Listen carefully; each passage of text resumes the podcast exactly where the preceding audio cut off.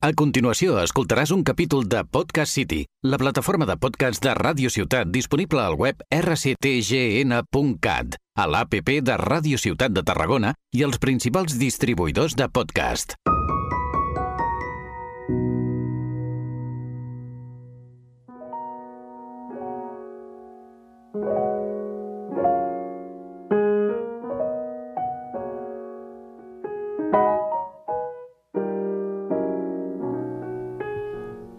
Benvingut al podcast de Filosofia de Vida Diària, el podcast on cadascú pot demostrar com afronta la vida, quina filosofia té en el seu dia a dia. Em presento, em dic Montse i no pretenc res més que parlar una estona amb tu. Què necessites?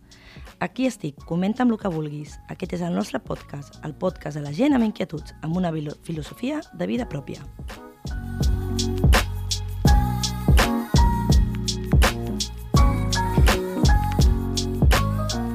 Bona tarda. Bona tarda. Hola, Eva. Avui tenim com a convidada Eva Calvés. Us introdueixo. Eva Calvés té 46 anys, va néixer a Manlleu, però ja fa 15 anys que viu a Tarragona. Per això ella pues, se sent ja d'aquí. Va, estu va estudiar pedagogia, la seva veritable vocació. Eh, la seva carrera professional s'ha desenvolupat principalment a la Fundació Catalunya la Pedrera, on coordinava i dirigia programes per al foment de vocacions científiques per a, les, per als joves. I des de fa 3 anys, canviant radicalment l'àmbit de treball, és director de la Fundació Topromi, també de la Fundació Catalunya la Pedrera, a la Canonja, on es dediquen a l'atenció de persones amb discapacitat. Bona tarda, Eva, gràcies per vindre. Hola, bona Com tarda. estàs? Bueno, doncs, en primer lloc, com estic? Contenta de que m'hagis convidat al teu podcast. I com estic? En general, doncs bé, jo crec que, que contenta i, i, i bé, molt bé. Sí? Sí. Uh, estàs contenta encara que estem vivint un moment una mica apocalíptic, amb situacions una mica estranyes últimament? Sí, però si ho veiem de manera individual, mmm, pensant només en mi mateixa i en la meva família, crec que sóc bastant afortunada del que tinc, així que crec que no em puc queixar de res i, i per això estic, em sento afortunada i estic contenta. Molt bé. És positiu, no? Sí. Últimament jo crec que la gent estem una mica espitosos i no ens preguntem gaire com estem, no? I si s'ha agraït, és és, és bo. T'anem a preguntar, ja fa 15 anys que vius a Tarragona, Sí. però només 3 que treballes a la Canonja. I abans treballaves a Barcelona. Sí. Això són molts viatges entre Molts. Molt. Eh, suposo que t'ha donat temps de fer de tot. Eh, com va ser l'experiència? Com portaves els horaris? A què dedicaves aquelles hores? Bueno, mm, viure a, dues hores o més al dia al tren, t'haig de dir que és una experiència. És una experiència perquè, primer que, bueno, no saps mai què et trobaràs, no? O sigui, el, el tren quan va bé va molt bé, però el tren quan va malament és un horror. Uh -huh. Perquè quan hi ha un retard de sigui l'estona que sigui, pot ser que et desgavelli tot el dia. Clar. Um, clar, de vegades aquí és molt normal que hi hagi retards, no? De vegades vas a, a països europeus on et demanen perdó per haver trigat dos minuts. Que Igual. Van arribar tard dos minuts. Igual que aquí, igual. Igual que aquí. I l'experiència... Home, una experiència molt cansada, la veritat. Jo ja va arribar un punt que estava molt cansada d'anar i tornar cada dia amb el tren. Um, intentava passar el temps com, com que fos bueno, el, temps, el temps per mi mateixa, llegint, escoltant música, dormint, pintant-me les ungles, maquillant-me... O sigui, al final al tren he, aca- he acabat fent una mica de tot, no? Mhm. Però una cosa que m'agradava molt fer al tren era observació sociològica. Jo en deia així, eh? Sí. observació sociològica. No sé, ja com, com, com que hi passes tanta estona, acabes veient quin tipus de gent puja, si sempre pugen els mateixos, ah, mira, aquest baixarà aquí, l'altre baixarà allà, ara l'altre se sentarà amb aquell, no? Intentant, imaginant-te una mica la vida d'aquestes persones i, Mhm. bueno, fes una mica de sociologia, és interessant. Molt bé. A mi és una cosa que m'agrada fer als aeroports. A mi m'encanta anar aviat a l'aeroport, m'estreso, i ja un cop estic allí estic tranquil·la i em dedico a inventar-me la història de la gent que veig per allà. Sí, sí, divertit. I va ser la distància potser la raó per tornar cap a... Bueno, cap per canviar de feina? Sí, bueno, la distància, la distància va ser molt important. De fet, és que el, el meu canvi de feina també va coincidir en què va néixer el meu tercer fill.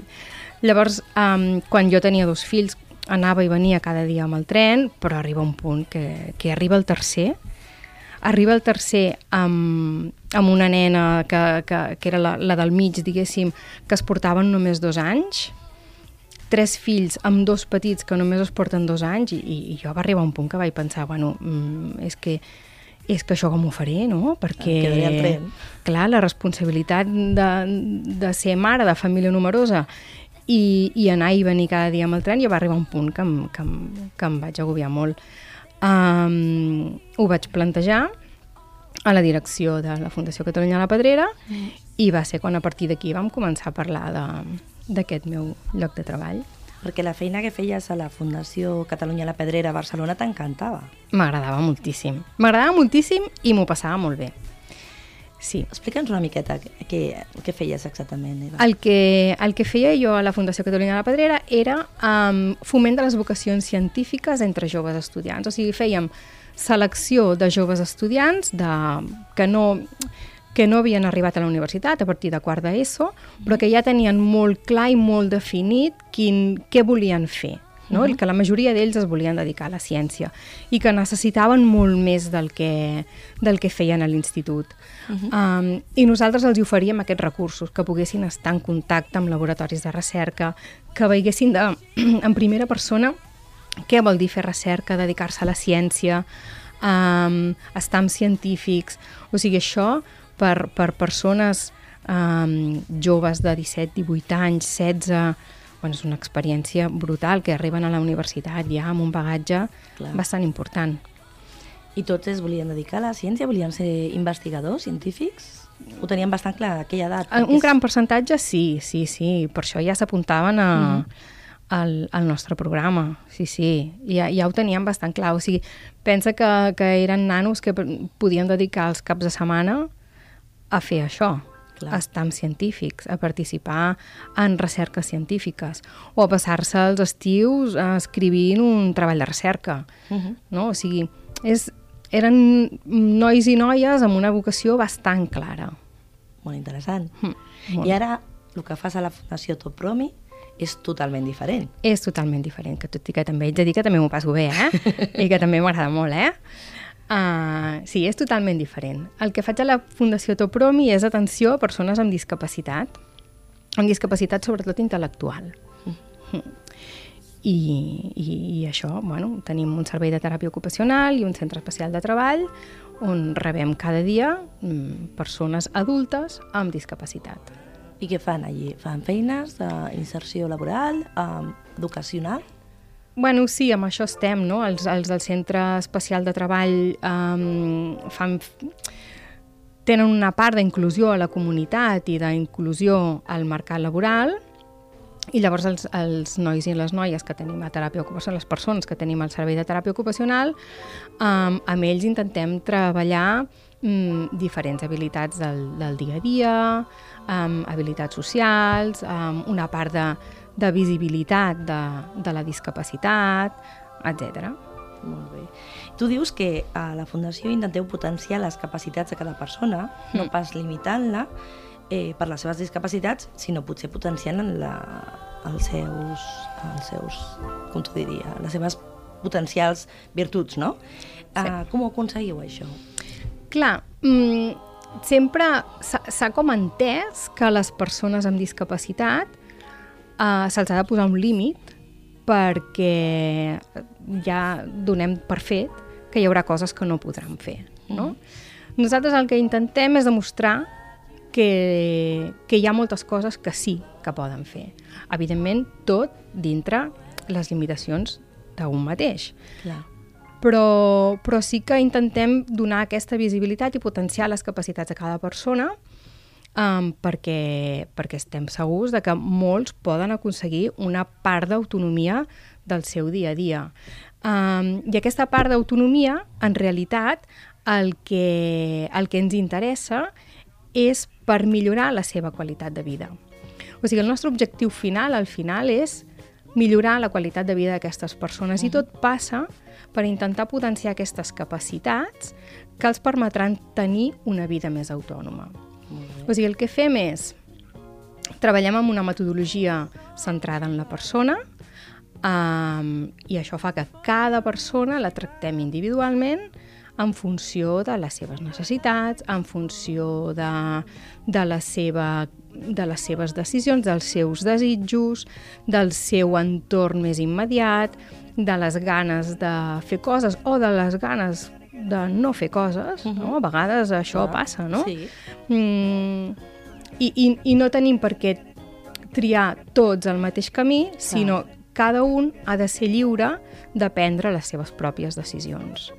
I en, això és el que treballem. I de vegades treballem en objectius que són molt, molt, molt petits, però que per nosaltres són objectius molt grans. Clar. A vegades treballem objectius tan petits com que una persona es pugui, m'ho estic inventant, no? descordar la cremallera de la jaqueta ella sola. Clar. Això per nosaltres és un objectiu molt petit, però que en el, en el fons representa un objectiu enorme Per aquella persona, no? per aquella persona i per treballar en l'autonomia d'aquesta persona. Doncs quan haguem treballat això, aquesta persona serà capaç de descordar-se la jaqueta, ella sola no necessitarà ningú. El proper pas serà treballar per treure la jaqueta. I el proper pas serà intentar penjar la jaqueta. Aquest exemple, que és molt gràfic Sí, i és sí, molt ja visual, um, el podem aplicar a moltes diferents àrees de la vida de cada, de cada un, no? de, de, de, les, de la vida quotidiana de cada un. I tu creus que el sistema educatiu i social està preparat per això? Jo t'ho comento perquè com a pedagoga, jo, uh, i com a, jo com a mare, veig que moltes vegades el sistema educatiu està uh, preparat per potenciar allò, a vegades en el que el nen no és bo, Mm. en el que la persona no destaca, no? És a dir, tu pots ser molt bo en música i dolent en matemàtiques, i te posaran un reforç de matemàtiques, però potser no et reforçaran música, que és el que se't dona bé. Clar, aquesta és la teoria sí. que, per exemple, deia Ken Robinson, que era un pedagog que deia um, si, si el teu fill ve a casa i et diu «Mama, he suspès les matemàtiques, però m'han posat un 10 de plàstica», tu què faràs? L'apuntaràs a reforç de Exacte. matemàtiques. Doncs no, apunta'l a plàstica perquè realment és el que li agrada, no? I llavors direu, no, clar, però és que també ha d'aprendre matemàtiques. Evidentment, uh -huh. clar que ha d'aprendre matemàtiques, però si potser el que, el que aquesta persona té és, és una creativitat eh, increïble, doncs anem a potenciar això, no? Clar. Al final, i el sistema educatiu, home, va avançant i va canviant, i cada vegada el sistema educatiu també intenta treballar amb aquest enfocament centrat en la persona i amb aquest enfocament um, més individualitzat, no? eh, tenint en compte les capacitats i, i, i les, les, el ritme i el respecte pel, pel, pel creixement personal de cada un, no? Uh -huh. Mm, però tot i així, si ens centrem, per exemple, en, el, en, en la discapacitat, um, és complicat, és molt difícil, no? Perquè, perquè hi ha tot el, tot el sistema de vetlladors, Clar. de vetlladores, que fan moltíssima falta, que, que, bueno, que, que són un, un punt clau per, per donar aquest reforç, no? Que al final les ràtios de, o sigui, si, si de sempre es queixen els mestres és, és precisament de les ràtios que tenen Mhm. a classe, no? I, I aquest és un punt important si es vol treballar Clar. cap a aquesta direcció. Clar, perquè això, estava pensant, això que me comentes, que feu la Fundació està molt bé, però són persones adultes. Mm. Si es fes des de l'inici, però Mm. entenc que deu ser molt complicat, avançarien molt més aquestes persones. Sí, estem veient també un canvi, eh? O sigui, estem veient un canvi amb, amb, amb les persones amb discapacitat que, que ja pugen, ja mm, venen amb, amb, amb, un altre, amb un altre vestit posat, no? Diguéssim, Sí. ja venen amb, amb unes eines que, que, que molt més... A, a, si més no, amb unes eines de comunicació, amb unes eines diferents, no?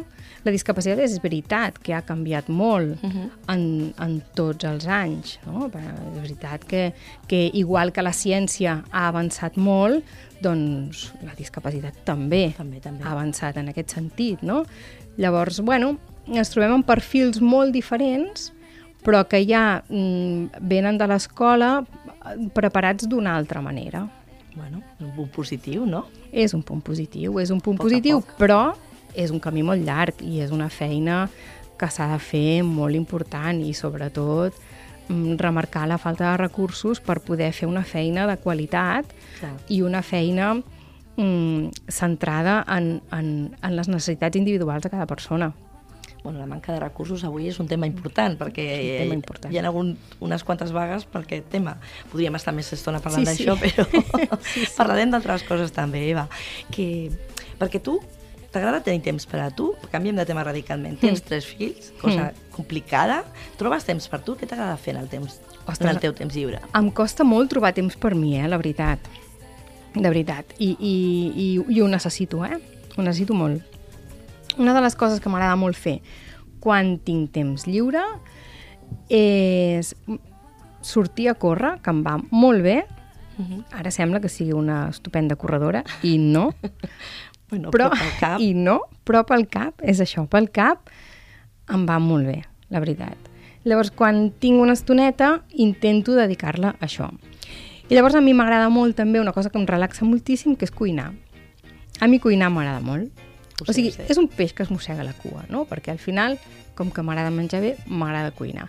I, bueno, a vegades puc cuinar coses millors, a vegades coses no tan millors, però, però ho intento, em va bé, em va bé. Jo sé que ets bastant sibarita. Et consideres que a Tarragona es menja bé? Sí, a Tarragona es menja bé. Sí? Sí, home, Tarragona té restaurants mm, que es menja molt bé. Fas turisme gastronòmic, tu, normalment?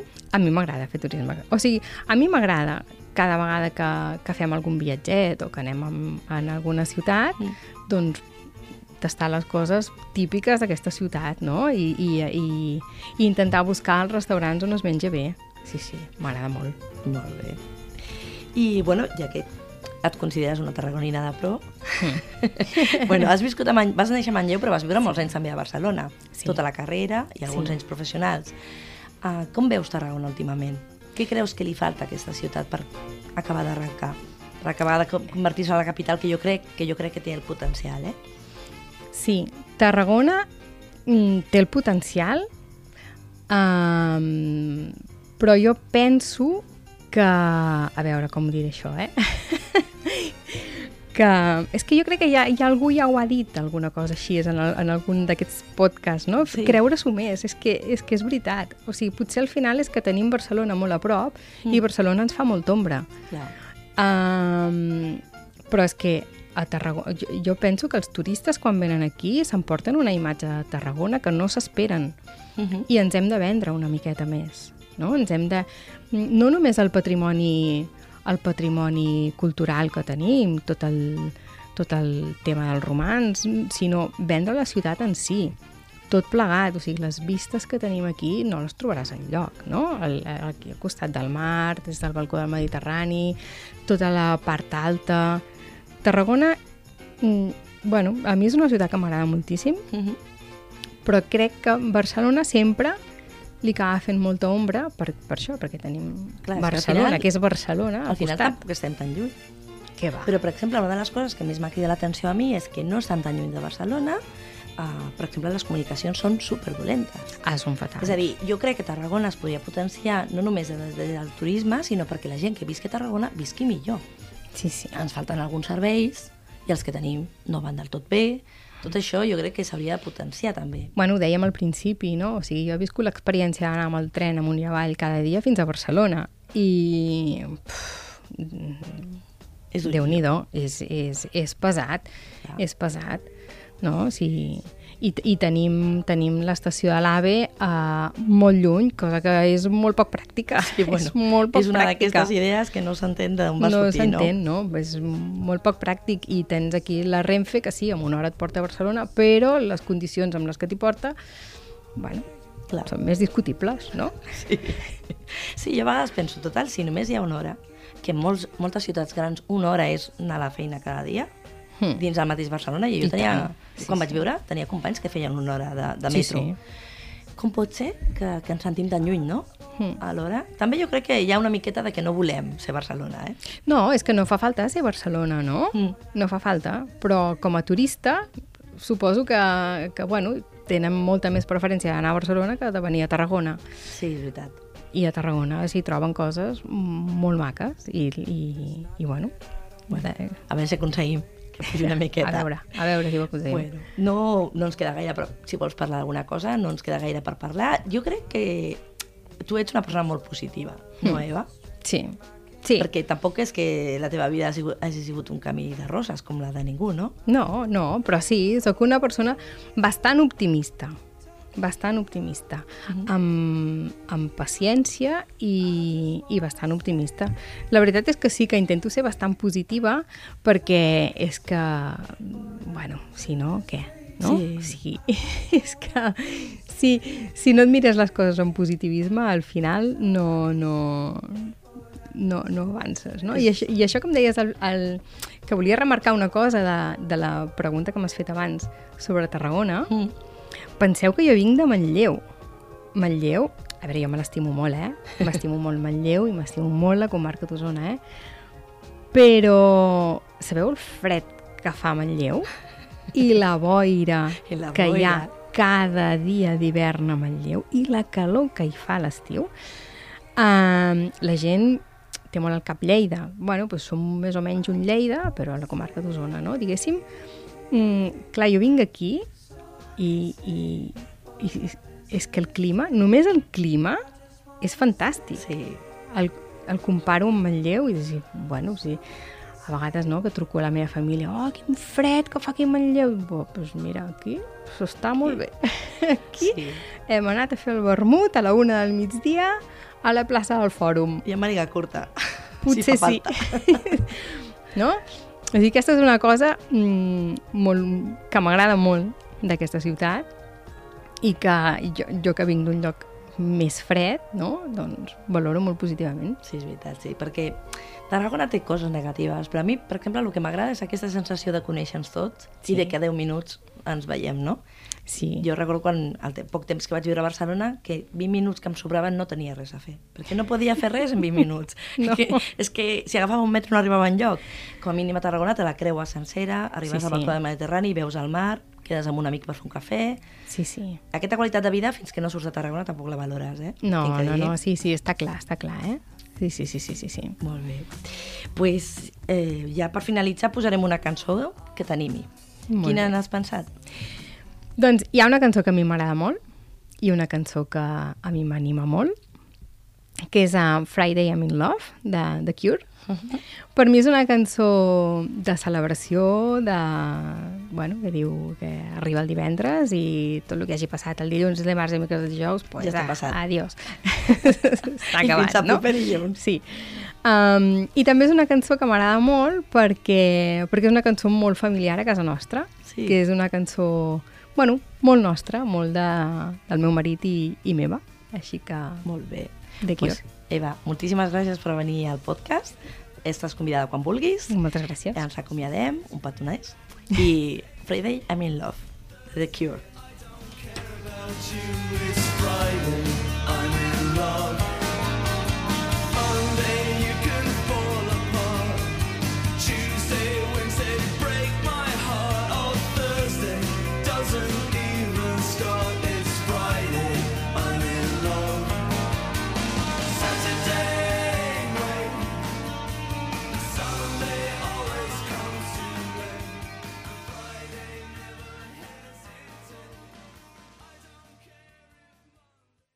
Has escoltat un capítol de Podcast City, la plataforma de podcast de Ràdio Ciutat disponible al web rctgn.cat, a l'APP de Ràdio Ciutat de Tarragona i els principals distribuïdors de podcast.